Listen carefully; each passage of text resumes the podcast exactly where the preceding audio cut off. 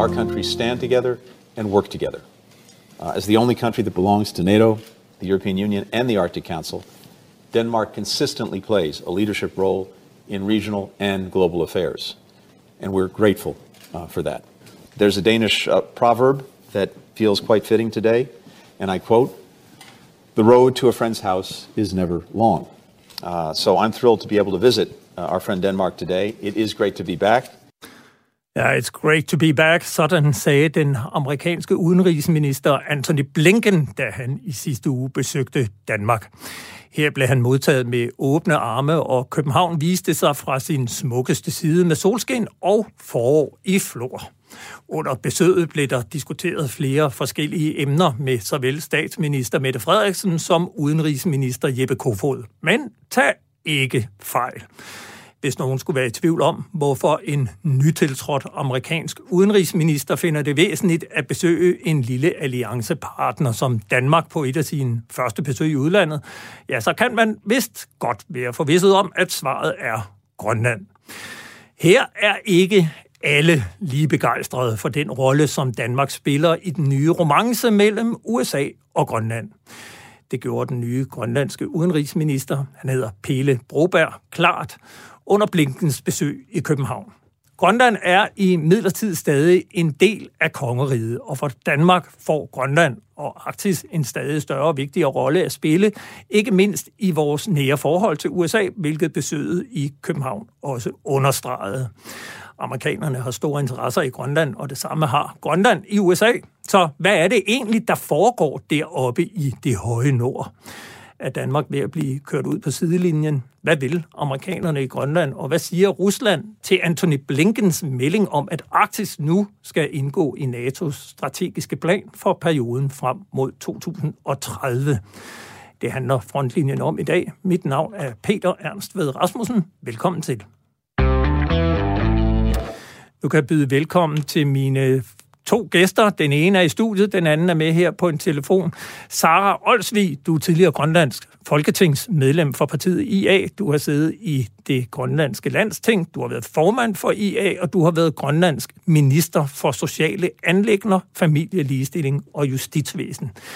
I dag er du i gang med en Ph.D. på Grønlands Universitet om forholdet mellem Grønland og USA i et sikkerhedspolitisk perspektiv. Og fortæl lige sådan helt kort om dig selv. Hvorfor forlod du egentlig øh, politik? Det gjorde jeg af forskellige grunde, øh, som øh, vil tage meget lang tid at forklare. Øh, men alfa og omega er, at øh, jeg skiftede spor, kan man sige, ikke? Og, og ønskede også at fordybe mig øh, noget mere i nogle særlige områder. Og øh, på en eller anden måde føler jeg lidt, at jeg er kommet hjem, egentlig også politisk, fagområdemæssigt, til øh, udenrigs- og sikkerheds- og forsvarspolitikken. Fordi netop da jeg var folketingsmedlem fra 2011, der var det de områder, øh, der lå mig øh, nærest i forhold til at, at arbejde for Grønland direkte i det danske parlament, øh, fordi det netop er sagsområder, som øh, Grønland ikke helt alene på nuværende tidspunkt øh, er herre over, øh, rent formelt i hvert fald. Så, så det var det, jeg prioriterede i Folketinget, øh, og, og nu er jeg så tilbage til de områder. Og det fører mig sådan lidt hen til øh, mit øh, måske indledende spørgsmål til dig, fordi det kan godt være, at vi her i frontlinjen, og at du og jeg og vores gæster interesserer os meget for sikkerhedspolitikken, men hvis man nu ser til Grønland, hvor meget fylder så den kur, USA er i gang med for at gøre til Grønland, overhovedet for grønlænderne? Jamen, den fylder jo selvfølgelig noget, øh, særligt efter øh, det her... Øh, store mediepostyr, der var i efteråret 2019, da øh, tidligere præsident Trump begyndte at tale om at, at ville købe Grønland. Øhm, der var det ligesom, at øh, dels, at øh, man kunne se, der kom en genopblusning af øh, den grønlandske bevidsthed i forhold til Grønlands geostrategiske position, som jo har været den samme igennem mange, mange årtier.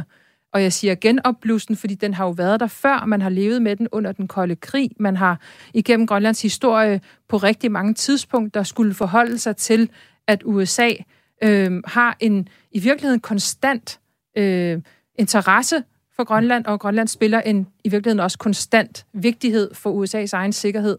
Øh, det materialiserede sig selvfølgelig allertydeligst øh, i begyndelsen af 2. verdenskrig, men hele vejen igennem har man jo vidst, at amerikanerne øh, havde et nært forhold til Grønland i forhold til deres øh, militære tilstedeværelse.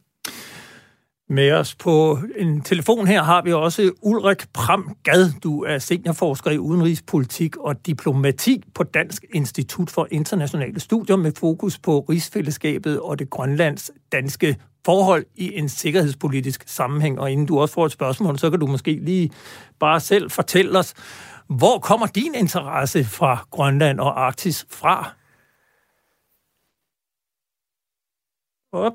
Øh, der faldt du lige... Ja, vi kunne ikke rigtig høre, hvad, hvad du sagde, så du skal lige starte igen. Hallo? Ja, du er der. Sådan her?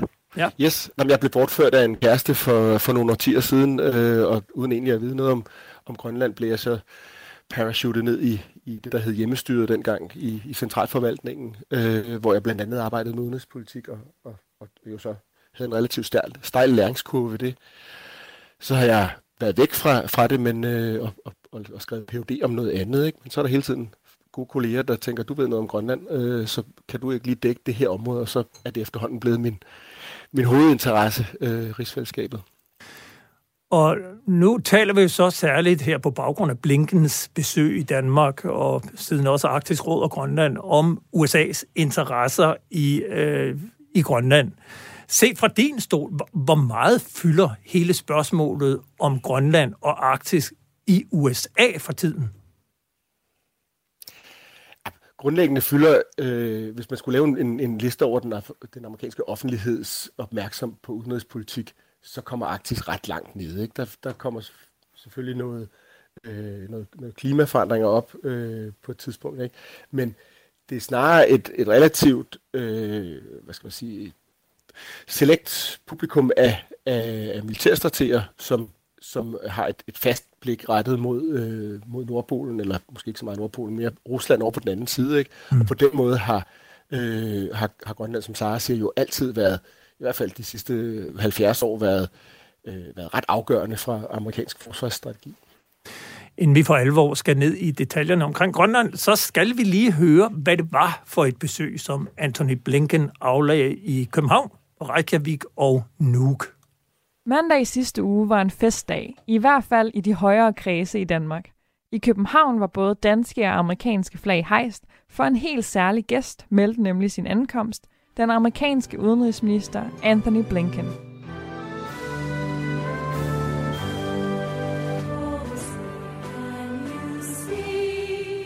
Og det er lidt ud over det sædvanlige, at en højtstående amerikansk politiker så hurtigt inde i en valgperiode besøger Danmark. Og derfor var der også tæt pakket program på de knap 24 timer, han var på besøg. Han startede hos Mette Frederiksen på Marienborg, og her snakkede de især om det arktiske samarbejde, Danmarks og især Grønlands rolle for den amerikanske sikkerhedspolitik, det gik rigtig, rigtig godt. Stor fornøjelse at få lov til at byde den amerikanske udenrigsminister velkommen til Marienborg øh, Solen skinner. Herefter gik turen videre til endnu en borg, nemlig Amalienborg, hvor Anthony Blinken hilste på dronning Margrethe og kronprins Frederik sammen med den danske udenrigsminister Jeppe Kofod.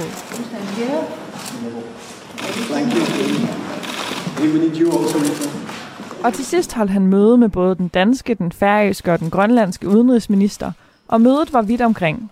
We covered a range of issues from international security to trade policy, from the Arctic and the North Atlantic to the situation in Israel and Palestine. Men her var det også især Arktis, der spillede en stor rolle. Anthony Blinken roste blandt andet direkte på et pressemøde den danske Arktispakke. We uh, very much welcome Denmark's recent decision to invest more than 240 million dollars in North Atlantic and Arctic defense in coordination with the governments of Greenland and the Faroe Islands. Og efter besøget i Danmark vendte Anthony Blinken så snuden nordpå til et tredages møde i Arktisk Råd i Island. Årsagen til, at han overhovedet var på danske kanter. Og derefter bød turen også på et visit i Grønland, før han fløj retur til USA. Ja, og nu kunne jeg godt tænke mig, at inden vi ligesom går ned i detaljerne, at vi ligesom får kridtet banen op, fordi vi har jo i Danmark en socialdemokratisk regering, som har gået sådan lidt på listefødder over for Grønland. Vi har i januar fået en ny amerikansk regering, som også, som vi hørte før, har lagt en lidt anden stil, end Donald Trump i hvert fald har gjort. Men, Sarolsvig, der har også lige været et valg i Grønland. Kan du ikke lige kridte banen op? Hvad er det for en politisk situation, vi har i Grønland lige nu? Jamen, groft sagt, øh, i forhold til Grønlands nu øh, fire årtier, lidt længere end fire årtier lange historie med eget parlament og regering, har man øh, for anden gang i den historie en, øh, en IA-ledet regering. Øh, det er jo selvfølgelig historisk. I, i og fortæl os lige, IA, hvor ligger IA i dansk kontekst på det politiske spektrum? Ja, nu er det jo lidt svært at spørge lige mig, fordi jeg har jo været formand for IA, og, øhm, og IA er et rød-grønt parti, ja, øh, og, og vil nok ligge altså et sted mellem SF og enhedslisten ja. øh, deromkring. Og øh, altså IA som, som regeringsledende parti har, er jo kun sket en gang før, og det var under en helt anden leder, altså øh, Gubik V. Kleist, øh, som var formand for Naalakkersuisut fra 2009 til 13, i en koalition med, med, med demokraterne og Gadusseratigi, dengang et, et mindre parti, der også var i Inatsisartut. Og den her gang ser vi så et IA, som vender sig en anden vej, det vil sige, de har øh, indgået en koalition med, med Nalerak, som er et parti, som er øh, stukket af fra Siumut for nogle år siden. Det var jo Siumuts tidligere øh, mangeårige formand og tidligere formand for, for den grønlandske regering, Hans Enoksens parti, øh, som, som, som så har en gruppe af egentlig broget gruppe af, af parlamentarikere og politikere øh, med sig. Øh, de har ligget stabilt med fire mandater hen over de seneste valg øh, og taler måske også mere til en, en nationalistisk øh, stemme øh, i den grønlandske befolkning. Så det er en rigtig interessant sammensætning af en koalition, og så har man så Adasut, det gamle øh, hvad skal man sige, konservative parti, som har i hvert fald en tæt relation til Venstre som støtteparti. Så det er også en broget øh, men, koalition. Men helt grundlæggende kan man sige, at det er et skifte, der peger mere imod en regering, der ønsker mere selvstændighed fra Danmark. Det ser jeg, at mange øh, analyserer sig frem til, og der tror jeg særligt i de danske medier, der er der en mangel på indsigt i, hvad for eksempel IA er for et parti. Øhm, tidligere, når jeg har skulle forklare IA's øh, ideologiske grundlag og opståen, så bruger jeg øh, historien om, øh, altså, at det var unge grønlandske studerende, som var i Danmark, som bragte nogle bevægelser med sig hjem, både socialismen, men også internationalismen, og med det også behovet for at kæmpe for, at det grønlandske folk bliver anerkendt som et folk i henhold til folkeretten på ligeværdig fod med andre folk i verden, herunder det danske folk. Så hele den bevægelse, den har jo sådan set eksisteret i, i IA's også over 40 år lange historie. Øh, vi skal lige have slået fast også, vi, vi har det her øh, selvstyre. Øh, Ulrik, kan du ikke gøre os klogere på, hvad er det, der ligger i aftalen, når vi taler om udenrigs- og sikkerhedspolitik og Grønland? Hvor meget kan Grønland selv bestemme, hvor meget bliver ledet fra København? Jeg, jeg vil godt lige øh, hvad hedder det, skyde en, en ting ind i forlængelse af det, det Sara siger, ikke? og så skal jeg nok svare på det spørgsmål. Men sagen er jo, at, at de allerfleste grønlandske politikere betragter øh, den her selvstyrelov, som vi skal snakke om, øh, som, øh, som et skridt på vejen til noget mere. Ikke? Øh, og der er det jo, hvad skal man sige, når du siger, at den her regering, der er kommet ind nu, det er mere en selvstyreregering. Det kan man næsten sige om alle regeringer i, i Grønland, ikke? fordi at, at, at alle partierne er enige om, at man skal i retning af selvstændighed. Det er mere et spørgsmål om, hvad, hvor hurtigt det skal gå, øh, hvor, øh, hvad der er forudsætningerne for at komme derhen, øh, og måske også, øh, hvad, hvad det egentlig vil sige at være selvstændig. Og det, det har vi lidt behov for i, i Danmark, et mere nuanceret sprog, og måske har grønlænderne også selv. Ja, den, den, den hakker Fordi, lidt her, øh, Ulrik, din, din forbindelse. øh, vi vi kan prøver, høre dig igen. Jeg prøver at komme lidt nærmere mikrofonen. Nej, det, yes. det, det, øh, det bliver mere for... Det er ikke helt godt. Nej, bare, bare, bare kom. Yes. Øh, men for at svare på dit spørgsmål øh, med selvstyreloven, øh, der, der er jo formuleringer i selvstyreloven, der, der helt klart giver Grønland lov til at lave noget internationalt. Ikke? Der er de områder, som, som Grønland har overtaget fra staten og selv forvalter. Øh, når der er internationale aspekter af det, så kan Grønland sådan set gøre øh, handle på egen hånd. Øh, ja, ja, ja, det, er, ja, det er nogle af de forhandlinger, vi har set tid. Jeg, jeg kunne godt lige tænke mig at læse et uh, citat op fra jer, som uh, den grønlandske udenrigsminister Pelle Broberg, han, uh, det var en udtalelse, han kom med til det grønlandske medie KNR inden Anthony Blinkens besøg. Og, og, og der sagde han øh, til citat, det allervigtigste budskab for mig at få frem er, at Anthony Blinken skal forstå, at vi er Grønland. Vi er anderledes end mange andre lande. Vi har et krav om selvstændighed. Vi er ikke Danmark og færerne. Vi er Grønland hvor, hvor alvorligt skal vi tage det her? Hvor, hvor tæt er øh, Grønland på at øh, nærmest sige, at de ikke længere vil følge selvstyrelov, men vil have mere selvstændighed? Ulrik?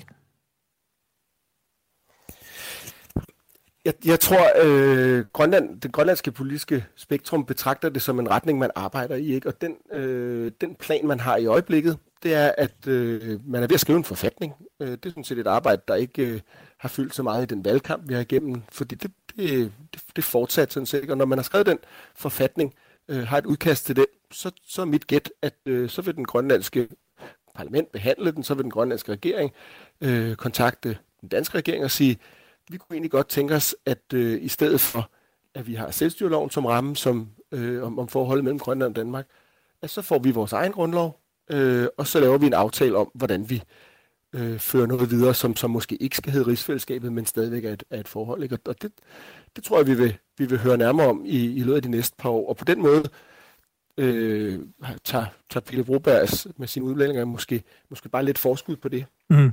Vi, vi taler meget om Pelle Broberg fra Nalarak. Er det det, det hedder? Naalakkersuisut. Ja, det, det lader dig sige alene. Parti, parti Nalarak, ja. Nå, Naalakkersuisut. Jeg, Ja. jeg, jeg skulle lige høre, hvad du præcis sagde. ja, altså partiet, han kommer fra. Men, men han er jo i hvert fald måske en af de mest kompromilløse grønlandske politikere, når det kommer til selvstændighed fra Danmark. Og nu er han jo ikke bare en tilfældig grønlandsk politiker, men udenrigsminister. Så Sara Olsvig, hvor stor en stemme taler han med? Altså, hvor stor opbakning har hans synspunkt i Grønland? Altså, men hvis man kigger på tallene, øh, og man øh, prøver sådan at dele partierne op i de mere pragmatiske, for det er rigtigt, altså, jeg tror, der er meget bred enig om, enighed i Grønlands politik om, øh, også siden 2009, altså da selvstyreloven trådte i kraft, at man bevæger sig i en retning, som går imod øget selvbestemmelse og i sidste ende selvstændighed politisk. Øhm, så, så i den forstand, så taler han jo på vegne af et folk, som har stemt om en selvstyrelov, som giver, giver Grønland mulighed for på et tidspunkt at have en folkeafstemning om selvstændighed. Det er der overhovedet ikke nogen øh, slinger i valsen i omkring, og heller ikke i virkeligheden øh, så dramatisk, som det ofte kan lyde som. Jeg tror nærmere, at man i det danske system nogle gange glemmer, hvad det er, den her selvstyrelov rent faktisk indeholder. Men altså retningen, det er jo, det er jo et stykke arbejde, der skal laves hen over nogle år, hvor man gradvist bliver mere og mere selvstændig. Kunne, kunne, kunne man forestille sig, at, at han også meget markante udtalelser for nogle i Grønland til at sige, at nu går du for langt? Det kan man sagtens, fordi der er den her uenighed om, hvor hurtigt tingene skal gå. Og også egentlig øh, har man ikke fået taget de grundlæggende debatter om, hvordan skal det så se ud den dag? Altså, hvilke allianceforhold vil man have? Hvilken position over for NATO, over for Danmark, over for USA, over for Island og Kanada, som en befolkningsundersøgelse jo viser, at man også gerne vil samarbejde meget tæt med, øh, hvis man spørger befolkningen. Og den debat har man ikke haft endnu.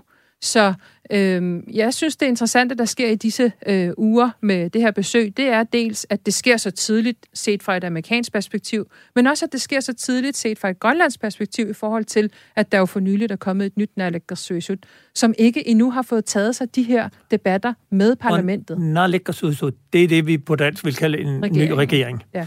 Yes.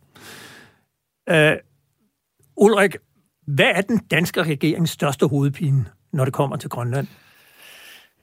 Jamen, det er jo at, øh, at, at finde en grimasse, der skulle passe, kan man sige, ikke? og finde ud af, hvordan man faktisk øh, understøtter det arbejde, som stort set hele det grønlandske politiske spektrum er, enighed, er enige om, nemlig at Grønland skal gøre sin afhængighed af Danmark mindre. Hvordan man, den danske regerings hovedpine er, hvordan man understøtter det på en måde, der er troværdig for, øh, for grønlænderne. Og, og, Øh, det, er den, det, det er den vanskeligste disciplin, de er i gang med, vil jeg, vil jeg synes. og, og, og hvis vi ser sådan i øh, kigger den ud i fremtiden, hvis når grønlænderne øh, erklærer sig selvstændige og løsriver sig fra Danmark sådan endegyldigt, hvad vil det betyde for øh, Danmark sådan rent sikkerhedspolitisk, og ikke mindst det her forhold, vi har til USA, der er bygget meget op omkring, hvad der foregår i Grønland? Altså, der, der er en af mine kolleger, der har gravet et citat frem på et tidspunkt fra, da øh, Indonesien løsrev sig fra, fra Holland, øh, hvor der så var nogle hollandske politikere, sagde, det vil jo være forfærdeligt, så vil vi jo bare være Danmark. Altså, der kan man omvendt sige, ikke, at, at hvis Grønland faktisk løsriver sig fra, fra, fra kongeriget, så vil vi jo bare være, være Holland. Ikke? Altså et, et, endnu, endnu et, øh, et, et mellemstort eller lille øh, nordeuropæisk land. Ikke?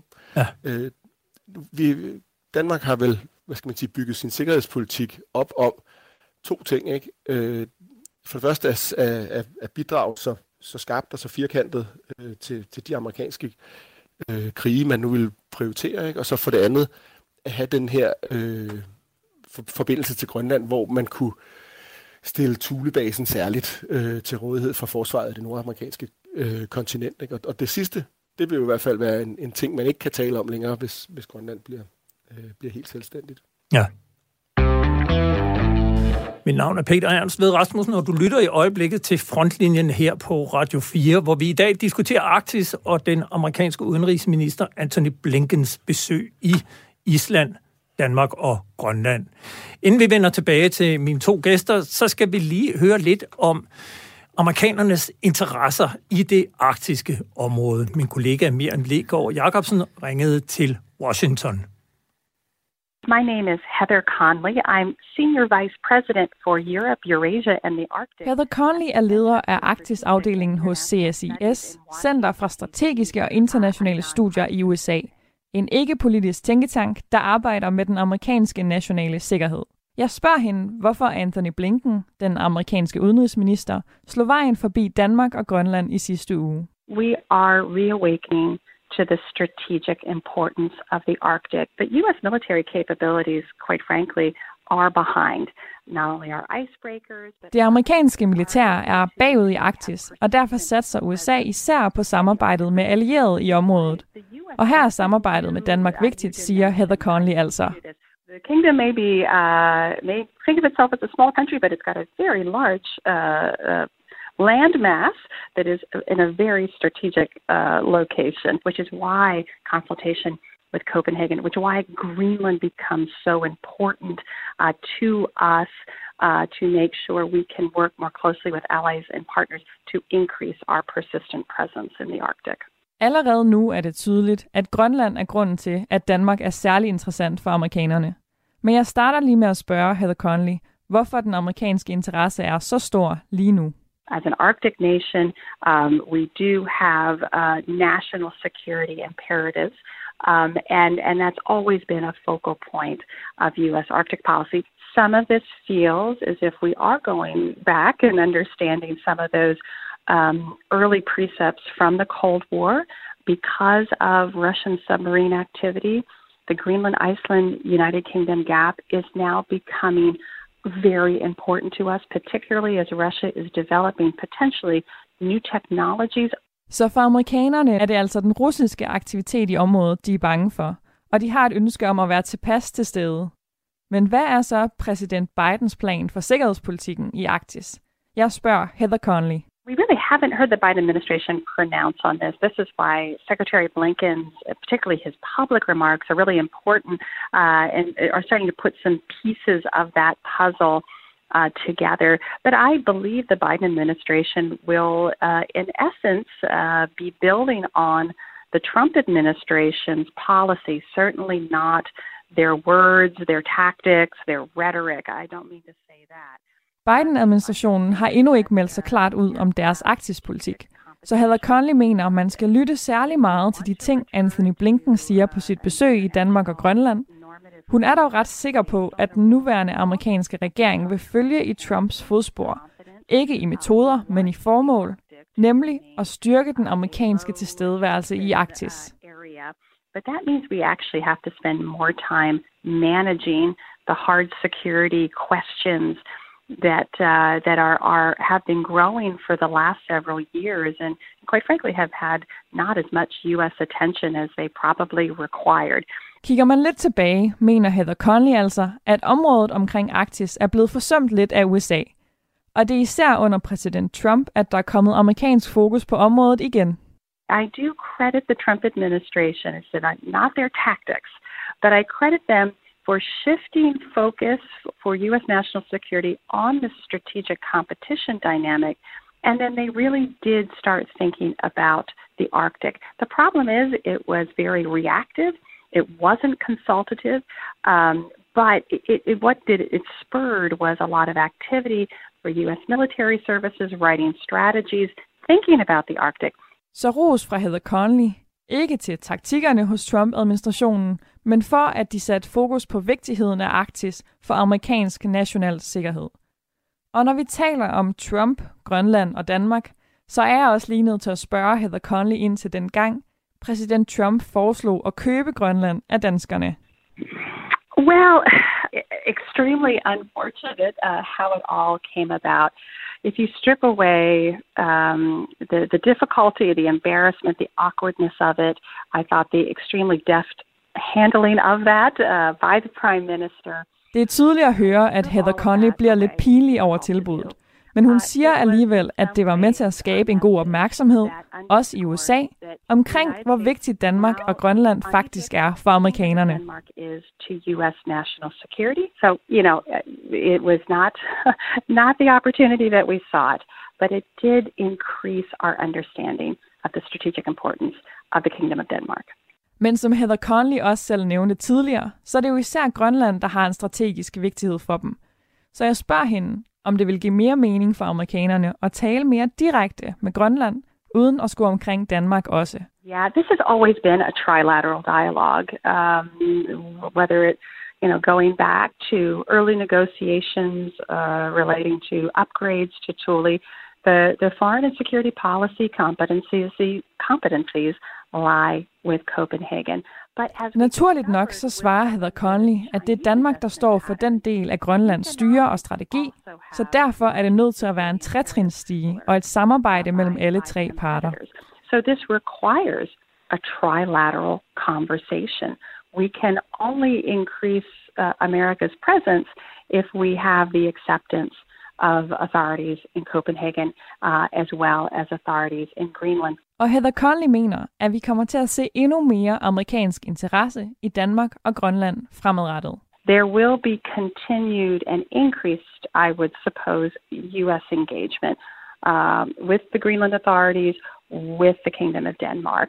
This isn't going away. If anything, that need increases, which is why Secretary Blinken was spending so much time this week making sure that framework is there. Altså Heather Conley fra CSIS i Washington. Og hun fortæller også lidt om det overordnede plan, hvad det er, som amerikanerne gerne vil i Arktis. Men Ulrik, kan du ikke øh, måske hjælpe os med at gøre os lidt mere klogere på, mere præcist, hvad er det, vi taler om? Altså, vil amerikanerne have flådebaser? Vil de have luftbaser? Eller hvad er deres interesser i USA, eller retter i, i, i Grønland, sådan helt konkret? Jeg, jeg tror, Grønland eller USA vil gerne tre ting. Ikke? Det vigtigste er at passe på Thulebasen, fordi Thulebasen øh, holder øje med øh, indkommende, potentielt indkommende øh, missiler fra ikke bare Rusland, men også Kina, Iran og Nordkorea, hvem der ellers skulle finde på at, at sende noget i den retning. Ikke? Så det er det ene, man vil. Det næste, man vil, man vil gerne øh, have, have lov at have de faciliteter, der skal til for at holde øje med, øh, med russiske øh, ubåde. Øh, og og det, det er jo sådan set ikke noget nyt. Man har bare ikke bekymret sig så meget om dem øh, det sidste, øh, de sidste årtier, men, men nu er de begyndt at blive mere bange for Rusland i almindelighed, ikke? Og, og et af de naturlige steder for en russisk ubåd at sejle, det er mellem, mellem Grønland og Island, ikke? og, og der, øh, der kan man få brug for noget mere overvågning der. Det tredje, øh, USA gerne vil med Grønland, og det er ikke så meget, handler måske ikke så meget om Rusland, det handler mere om Kina, ikke? det er, at man vil ikke have, at der er andre stormagter, som øh, på en eller anden måde kommer til at bestemme over et, øh, en landmasse, der ligger så tæt og så centralt for, øh, for forsvaret af, af, af USA og Nordamerika. Så, så der, der man vil helst øh, være fri for for mange øh, kinesiske investeringer, kinesisk infrastruktur, kinesiske ja, kinesiske mennesker også for den sags skyld. Altså, øh. Blinken gør jo meget øh, her under sit besøg, at øh, netop sige, at det her USA er tilbage, og, og øh, det er vigtigt, at vi er der, fordi hvis vi ikke er der, jamen, så, så risikerer vi, at øh, der kommer et tomrum, eller andre går ind og overtager øh, der, hvor, hvor vi har interesser. Så altså, hvis, hvis man ser på udviklingen mellem USA og Grønland, hvor, hvordan har den udviklet sig i de år, altså du sad selv i, øh, i landstyret, talte man overhovedet om USA dengang, og, og, og, og hvad der skete sådan i årene her frem til nu? Øh, giver det ikke så meget mening kun lige at gå tilbage til de år, jeg, jeg sad i naalakkersuisut, øh, hvis man skal tale om det. Jeg lægger mærke til, at øh, Heather Conley taler om, at it's always been trilateral, altså det altid har været trilateralt. Men det har det jo sådan set ikke. Altså, det startede jo bilateralt mellem USA og Danmark direkte Øh, og det var faktisk først i 2004, da Grønland øh, havde kæmpet sig ind og fik en stemme i forhold til forhandlingerne med USA og positionen over for USA sammen med Danmark, øh, at Grønland kom med, altså med Igaliku-aftalen, øh, hvor det så blev trilateralt. Det man så ser i dag, jamen det er jo, at man anvender selvstyrloven, som også taler om, at Grønland kan agere øh, selvstændigt på de områder, som er overtagende fra staten, det vil sige råstoffer, erhverv, handel, uddannelse, turisme, fiskeri. På de områder, der er man nødt til at se det lidt anderledes, end at man bare følger loven. Fordi på de områder har Grønland ved helt naturligt at være et samfund og et land, som udviklede sig, taget beslutninger, som kan have haft sikkerhedspolitiske, måske først udenrigspolitiske øh, implikationer. Og det har så gjort, at Grønland gradvist sådan set selv har mødet sig ind og ført sin egen udenrigspolitik, handelspolitik osv., og har fået sig en stemme i de her internationale fora. Og det, der så sker nu, synes jeg, man, man kan se ud af det hele, det er, jamen, så er man kommet til et punkt, hvor den her naturlige øh, udvikling, som egentlig bare er en implementering af en lov og en aftale, man har med Danmark, altså selvstyrloven, jamen den, har, den har ført Grønland hen, hvor man også kommer til at tage nogle beslutninger øh, helt naturligt, som Danmark så kommer og siger, nå ja, men her har vi jo lige noget, hvor øh, vi synes, vi lige skal, skal have noget at sige, det kan have noget med sikkerhedspolitik at gøre. Og måske har Danmark så også gjort det, i hvert fald i nogle tilfælde, meget tydeligt, fordi amerikanerne har sagt, nå nej, nej, der kan jo ikke lige, ikke så smart, hvis der kommer et kinesisk øh, selskab og bygger lufthavnene, mm. som er kritisk infrastruktur, eller øh, det kan også være råstoffer. Så det her trekantsdrama, som man jo ser mellem Grønland og Danmark og USA, det er også et, jeg skal sige, det er jo øh, indlemmet eller indrammet af et andet trekantsdrama, som altså øh, USA, Rusland og Kina, øh, og som er meget styrende for, hvad der så sker øh, i, i vores andet lille trekantdrama. Ikke? Og, og det, det fører så tilbage her til det sikkerhedspolitiske, for under sit besøg i København, der var der et ord eller et navn, som fik mange til at spærre øjnene op. Det blev sagt allerede, da forsvarsminister Trine Bramsen i februar præsenterede regeringens Arktispakke til 1,5 milliarder kroner på et pressemøde på Kastellet. Og så blev det sagt af Anthony Blinken, da han besøgte Danmark. Og det blev sagt af statsminister Mette Frederiksen på Marienborg, da hun og Blinken efter deres fælles møde mødte pressen. Og nu tager jeg et citat her. Det er afgørende at sørge for, at det er rigsfællesskabet, USA og NATO, der spiller den afgørende rolle. Vi kan lige høre her, hvad øh, journalisten Martin Breum, som øh, beskæftiger sig meget med Grønland, også sagde, da han var øh, igennem på TV2 News. Blinken forudser, at NATO får en stærkere rolle i Arktis. Det er dybt kontroversielt. Rusland vil have øh, det perspektiv. Så på den måde blev det på sæt og vis øh, et møde, hvor der ikke blev talt om Grønland, men det var sådan set endnu mere illustrativt, end hvis han havde stået og, og, og sagt en hel masse om, om isbjerg og, og isbjørne. Ja, hidtil har såvel USA som Danmark holdt NATO ude af Arktis. Når NATO taler om Nordatlanten, så hedder det i NATO-sprog det høje nord, og området har rent geografisk været afgrænset til den nordlige del af Atlanterhavet. Men nu taler den danske regering om, at vores kapaciteter i Grønland skal tælle med i regnskabet hos NATO, og USA taler om, at Grønland skal være en del af NATO's strategi frem mod 2030 og jeg kan nu byde velkommen til Flemming Splidsbol. Du er seniorforsker ved Dansk Institut for Internationale Studier med fokus på global sikkerhed og ikke mindst Rusland. Jeg kunne godt tænke mig at spørge dig, hvordan reagerer russerne på de nye toner om NATO i Grønland fra henholdsvis dansk og amerikansk side? De reagerer selvfølgelig med, med kritik, og, og en del af den kritik, den blev luftet øh, allerede i optakten til mødet i Arktisk Råd. Der hørte vi jo Ruslands øh, udenrigsminister Lavrov være sådan ret bestemt, og jeg tror, han havde fået nogle instrukser hjemmefra også om, at det her budskab, det skulle virkelig bakkes igennem, og det er, at, øh, at øh, det her, det ser man på med, med stor bekymring, og han understreger jo også, at den russiske del af Arktis, jamen det er Ruslands del af Arktis, så den skal vi nok øh, selv håndtere, og det skal I overhovedet ikke blande jer i. Ja, man, man kan jo her sige, at det kan være nogle gange øh, en fordel at tage og kigge på et verdenskort, sådan set fra nord. Vi plejer jo ligesom at se øh, Europa i midten, og så et USA ude mod øh, vest og Rusland mod øst. Men hvis man nu ser øh, verden fra Nordpolen af, så må vi også konstatere, at Rusland jo fylder, at det en tredjedel af det arktiske område. Øh, hvordan ser russerne på den udvikling, som der foregår i Arktis i øjeblikket? De ser på den med en, med en blanding af, af, af bekymring og, og håb. Og, og der er jo en, en, en række øh, russiske strategipapirer nu, som beskæftiger sig med Arktis, og det har det været nogle år. Men der er blandt andet kommet en, øh, en stor øh, national udviklingsplan for, for Arktis. Den gælder 2020-2035. Meget ambitiøs.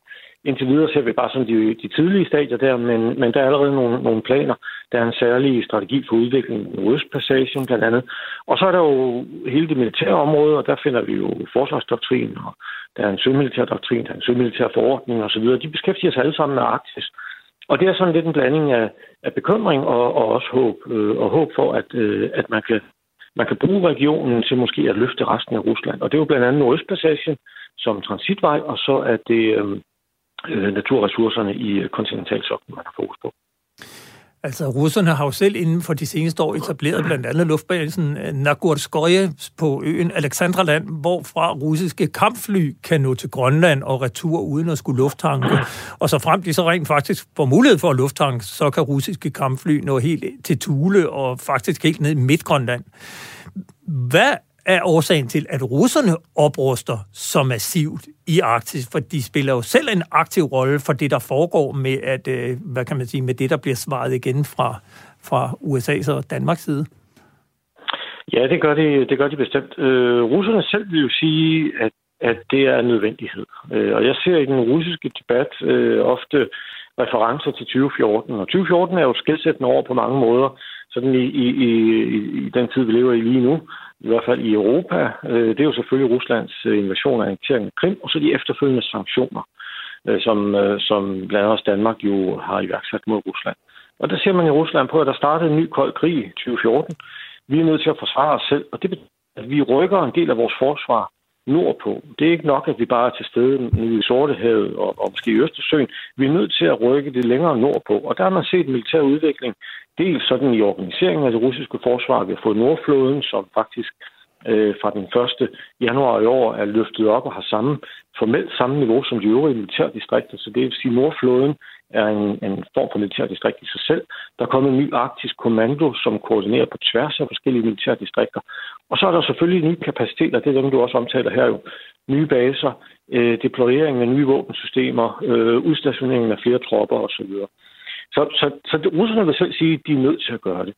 En anden forklaring, det vil være, at, at russerne bruger Arktis meget aktivt til ligesom at, at projicere deres magt, og de opretholder den her fortælling om, at Vesten øh, sådan næsten eksistentielt truer Rusland. Altså Vesten ønsker nærmest at udslette Rusland, og derfor er man nødt til at foretage sig de her ting. Og det har meget at gøre sådan også med deres indre øh, forståelse øh, og den fortælling, som man sælger til de russiske øh, vælgere. Og, og det er jo en meget mere proaktiv øh, handling. Der handler det egentlig ikke så meget om, hvad Vesten gør. Det er mere et spørgsmål om, at, øh, at øh, Rusland smider noget udstyr op, og så kan man sige til, til vælgerne, at vi passer på jer. Øh, og, og det gør vi selvfølgelig 24-7. Må, må, jeg, må jeg stille Flemming et spørgsmål, Peter? Ja, det må du da gerne.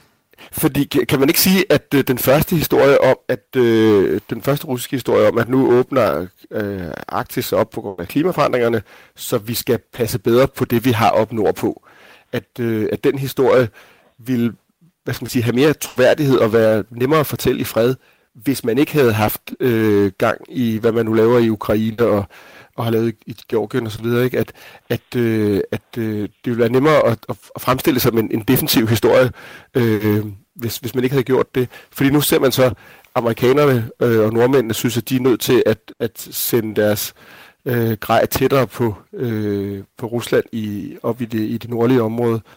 Flemming? Jo, det, det, det kan man jo sige, og alene det, at, at, at spørgsmålet nu dukker op, og der er andre, der stiller samme spørgsmål, jamen det, det vidner måske om det. Øhm, Rusland vil sige, at det, er jo, det er jo separate arenaer, det her på en måde. Vi vil gerne holde dem separat. Vi vil gerne tale om udvikling og, og, og samarbejde på tværs af grænserne i Arktisk Råd, men, men desværre bliver vi presset i det arktiske. Øh, så den der snakker om, om arktisk exceptionalisme, altså man kunne holde Arktis ren for de konflikter, som vi har set andre steder, øh, der vil man fra russisk side, sige, at det, det er jo os, der forsøger, men det er jer, der ligesom importerer konflikterne. Øh, og nu taler vi jo lidt om, om NATO her, ikke? Og, og, og I har også gjort det tidligere i programmet der vil man pege for eksempel på NATO's nye kommandostruktur og sige, at det er jo, det er jo NATO, der, der, der går den retning, og derfor er vi bare nødt til at reagere på det. Vi vil egentlig helst undgå det. Øhm, så, så, så der kan være en, selvfølgelig en, en, kan man sige, en, en, en afsmittende effekt, og det kan gøre det vanskeligere for russerne at opretholde de her fortællinger. Hvis, hvis vi nu lige taler om Arktisk Råd, så kan man sige, at det er jo en samme, samme slutning af de lande, der grænser op til Arktis. Og hvis vi lige skal have med, så er det i Danmark, og herunder altså Grønland og Færøerne. Så er det Norge, Sverige, Island, Finland, Kanada, USA og Rusland. Øh, der har jo hele tiden været den her tale, i hvert fald meget fra den danske regerings side, om, at Arktis skulle være et lavspændingsområde. Og, og hidtil er det jo sådan set nogenlunde lykkedes at, at have en god dialog, hvor, hvor man ikke blev for meget uvenner, når man talte om Arktis. Nu var der jo så et møde i Arktisk Råd, i øh, Island her i torsdags. Og Flemming Splidsbol, når du ser på udkommet af det møde, var det så noget, der øh, var foruroligende, eller kan man også læse nogle positive signaler ud af det møde? Man kan sagtens læse positive signaler ud af mødet. Øh, man blev enige om, om en ny strategi på mødet. Det var alle jo enige om var positivt. Og, og alle lande er jo sådan set enige om, at det, der foregår i Arktisk Råd, er meget positivt, og, og det er noget, de fleste sådan, kan skrive under på. Og, og det er jo et godt udgangspunkt. Og øh, nu har Rusland overtaget formandskabet.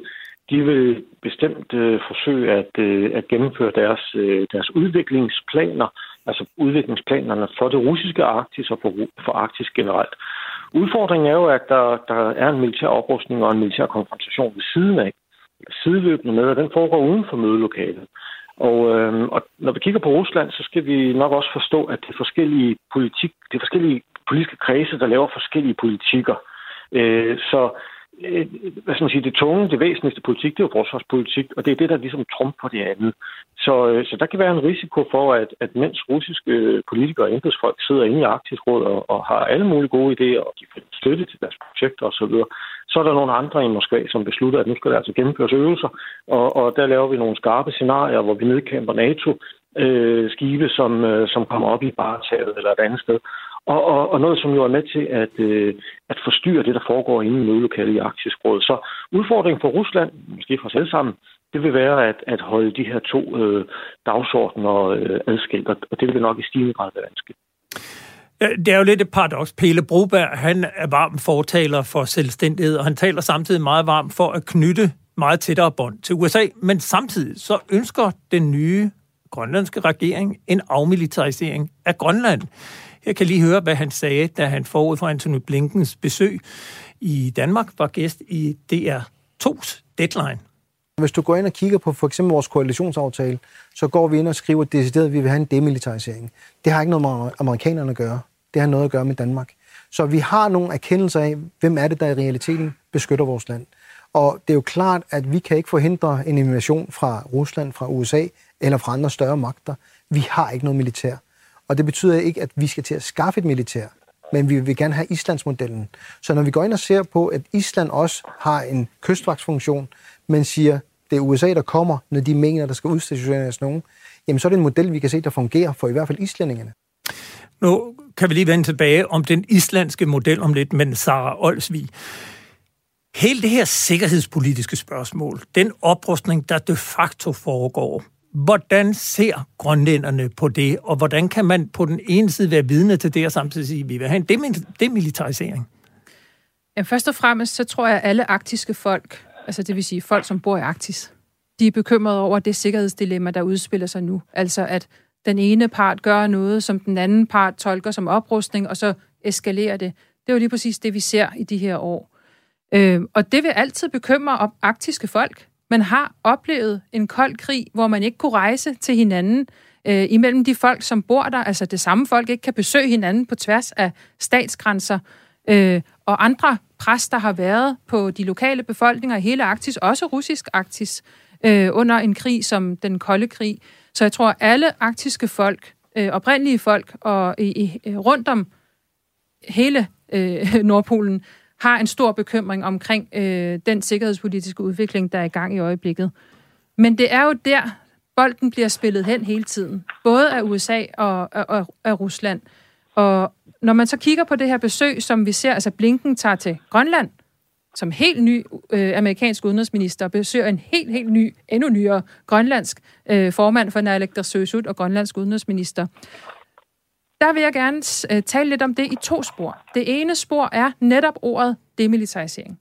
Netop det, at der står i den danske version af den grønlandske øh, nye koalitionsaftale, at man ønsker demilitarisering.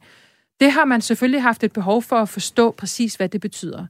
Ganske kort om Peles øh, citat. Det er jo fuldstændig selvmodsigende, det han så siger. Fordi hvis du skifter det danske militær i Grønland ud med et amerikansk, så vil det uundgåeligt tolkes i hvert fald som oprustning. Så det synes jeg ikke hænger sammen, og jeg vil se frem til at høre mere om, hvordan den nye, de nye naalakkersuisut, de fortæller det. Hvis man ser det fra et amerikansk synspunkt, så havde de det her behov for at få en forklaring om, hvad betyder demilitarisering. Men de slog så også tre fluer med et smæk øh, i forhold til deres, eget, altså deres egne interesser.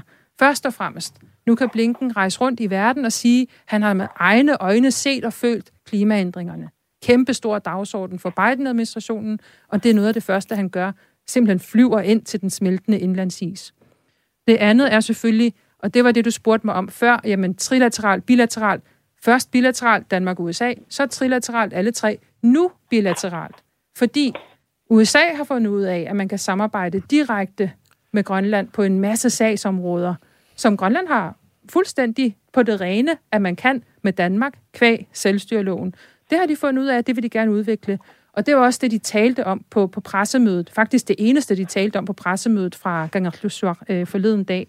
Og den tredje ting, jamen altså markere sig som en stormagt også. Altså komme til Grønland som en arktisk stormagt. I hvert fald ønsket, viste det meget tydeligt for omverdenen. Man ønsker at være den her arktiske stormagt, som man godt kan se, Rusland har nemt ved at sælge, sælge sig som. Så hvad er bedre end at sidde i selveste øh, ikonet for Arktis og, og fortælle om, øh, at, at man, man mener, at Arktis er vigtigt. Ulrik Pram, gad må, jeg skyde, må jeg skyde noget ind om, om den her islandske model? Ja, ja men, men lad, lad mig lige... Ja. Inden, inden vi lige tager ja. den islandske model, kunne jeg godt lige tænke mig at høre ja. dig, Ulrik Pram, Pram øh, Gade seniorforsker på, på, på DIS. Øh, vi har jo lige set også, at, at uh, USA har givet er det 85 millioner kroner til, til, til Grønland og oprettet et uh, konsulat i Nuuk. Hvad er det, amerikanerne gør for at prøve, ligesom at, uh, kan man sige, hvis vi tager fra en anden del af verden, vinde hearts and minds i Grønland? Altså, for det første, altså, det, det kom til at lyde meget stort, da, da vi diskuterede den der hjælpepakke for, for vores tid. Det, det er 85 millioner Ja, ja, Ulrik, den, din, din forbindelse, den, den hakker forfærdeligt meget. Jeg ved ikke om... om... Er det bedre sådan her? Ja, prøv, prøv. Det, det er så godt, jeg kan gøre det. Øh, men den her hjælpepakke, den er, altså, det er relativt behersket størrelse, ikke? Men formålet med den, det er jo, det har virkelig ikke så meget med det, vi har talt om indtil videre, nemlig om, øh, om, om Rusland at gøre. Det, det er mere øh, en reaktion på den her øh, forventning, man havde om, at øh, på et tidspunkt, ikke, at, at, at Grønland ville løsrive sig, og så hænge på Kina øh, i den forstand, at, at der var en lang periode efter selvstyreloven i 2000 at strategi for, hvordan Ulrik, Grønland skulle blive økonomisk selv. Tror det går ikke. Ja, den, den hakker meget, og det, det, det er simpelthen svært at høre alt, alt hvad du siger, så, så hvis du prøver at gøre det kort. Det handler om, at USA gerne vil være Grønlands næstbedste ven. Så hvis man en dag løsriver sig fra Danmark, så vil man kigge mod, øh, mod USA, i stedet for at kigge øh, mod Kina. Flemming Splidsbol, øh, Pele Broberg, han nævnte her, vi vil gerne have en islandsk model. Og, og her skal vi jo forklare til de statsløse lyttere, at Island er jo medlem af NATO, men Island har ikke noget forsvar. Hvad er det, Pelle Broberg han forestiller sig, når han taler om en islandsk model for Grønland? Ja, det, øh, det formoder jeg. jeg. Jeg kan jo ikke være 100% sikker, men jeg formoder jo, at det, han, han taler om, det er en, en, øh, en løsning, hvor det Grønland vil tilbyde, det er jo sådan set sin strategiske placering, og det er, det er adgangen til den strategiske placering. Og det er jo sådan, at, øh, at nu øh, har Island jo, altså Island, som siger, er medlem af NATO, de har jo ikke noget forsvar, men de har en, en luftbase, som, øh, som ligger rigtig fint, og det har de gjort især under den kolde krig. Faktisk var, øh, var USA's udenrigsminister Blinken jo faktisk også på besøg i, øh, i Island, og han var ude på, øh, på øh, basen øh, lufthavnen for at inspicere øh, i, i øh, Keflavik. Og, øh, og der er jo mulighed for, at Grønland måske kan, kan tilbyde noget tilsvarende. Sige, jamen, vi har ikke noget forsvar, vi har begrænsede ressourcer, men vi har en strategisk beliggenhed her, som, som øh, er attraktiv, og den vil vi gerne stille til rådighed. Olsvig, når, når man taler, eller når Pelle Broberg taler om en demilitarisering, så, så hører det vel også med til historien, at når han ønsker de danske soldater hjem, dem der er i Arktisk Kommando og gør tjeneste i og omkring Grønland, de spiller jo en enorm vigtig rolle for sikkerheden i det civile, altså at man har et skib med en helikopter, der kan flyve ud og hjælpe med at redde nødstede fiskere, og man kan lave øh, evakuere folk til hospitaler og, og sådan noget. Hvad er det, øh, han forestiller sig, at der skal komme i stedet, hvis man ikke ønsker danske tropper? Dels hvis man læser den grønlandske version af koalitionsaftalen, så står der Sakuller Sofius som betyder, øh, at der ikke skal være oprustning, øh, og der ikke skal være våben. Så jeg tror, man skal forstå det her ord demilitarisering i den forstand. Øh, igen, man mangler at høre helt præcis, hvad de mener i det nye nærlæggersøg, så det bliver spændende at høre øh, i, i de kommende øh, måneder. Men øh, der har længe været et grønlandsk politisk ønske om, at man i højere grad øh, skulle være med til at løse de her civile opgaver, som forsvaret i dag løser, altså search and rescue, oliespilsberedskab, øh, eftersøgninger osv. Så, øh, så det, det ligger egentlig også i fin forlængelse af, øh, hvad det politiske øh, miljø i Grønland har ønsket, altså og, og en bred konsensus omkring det. Der var nogle forslag tilbage i, i 13-14, jeg tror, jeg stillede et af dem selv, omkring øh, for eksempel at oprette Grønlands eget øh, civile beredskab, lidt eller det, de faktisk også har i Island, altså, øh, altså et, et beredskab, som er baseret lokalt rundt omkring i, bo, i forskellige bosteder, øh, og som er koordineret centralt fra. Øh, og det er man jo også i gang med at, at, at prøve at opbygge. Så den, den del af det i sig selv er sådan set heller ikke ny og heller ikke overraskende. Øh, man kan sige, der mangler stadigvæk nogle forklaringer omkring præcis, hvad det er, Pelle Broberg mener, når han siger de forskellige ting i de danske medier. Der mangler en forklaring fra Naalakkersuisut samlet set, hvad ordet demilitarisering skal forstås som. Men jeg tror også, det hænger, der det mangler, tror jeg også hænger sammen med, at man ikke er nået dertil endnu, at man helt har fået lavet sine egne strategier. Og så er der også hele den her diskussion om, må Grønland have sine egne strategier på det sikkerhedspolitiske? Det vil jeg egentlig anbefale, at man har, netop så man ikke kommer ud i den her lidt øh, usikre situation, hvor det er svært at afkode signalerne fra Grønland. Nu har øh, den danske regering jo lige indgået en arktisk pakke, hvor grønlænderne jo var med og havde medbestemmelse i, hvad, hvad der egentlig skulle tilføres af midler. 1,5 milliarder kroner bliver brugt på at købe primært droner, der kan flyve øh, op langs kysten, og, og de har jo det, man kalder dual use. Altså, de kan både bruges til at kigge efter russiske ubåde og krigsskibe, ikke at de kan se så mange ubåde, men det kan jo også bruges i eftersøgninger ved katastrofer og, og, og øh, olieudslip op og sådan noget. Samtidig så er der jo en del der handler om, at det skal være muligt at aftjene sin værnepligt, man skal have flere grønlændere involveret i det danske forsvar. Er det sådan en kamp internt i Grønland, om man egentlig ønsker at gå med på den danske regerings tanker om, at vi skal knytte tættere bånd til at sige, I kan lige så godt rejse hjem, vi vil slet ikke have noget med at gøre? Jeg vil nok ikke gå så langt at sige, at det er en intern kamp. Der er debatten simpelthen for ikke, øh, ikke tilstedeværende øh, omkring det her. Øhm, og, og jeg tror også, at man kan graduere udsagnet, at Grønland var involveret i kapacitetspakken, fordi det var de danske folketings forlispartier, forsvarsforlispartier, der forhandlede den her pakke på plads. Og som jeg har forstået det, har det grønlandske regeringssystem haft meget, meget få timer for eksempel til at øh, faktisk at forholde sig til indholdet i det. Og parlamentet har heller ikke været direkte involveret i den sidste fase. Øh, så der mangler også nogle strukturer i forhold til at få det grønlandske parlament og beslutningssystem til at tage øh, stilling til de her sikkerheds- og forsvarspolitiske emner. Og det, det er noget af det, som vi også anbefaler, Ulrik og jeg, i et policy brief, bliver styrket. Altså, at man i højere grad anerkender, at det grønlandske parlament også skal være med til at beslutte tingene.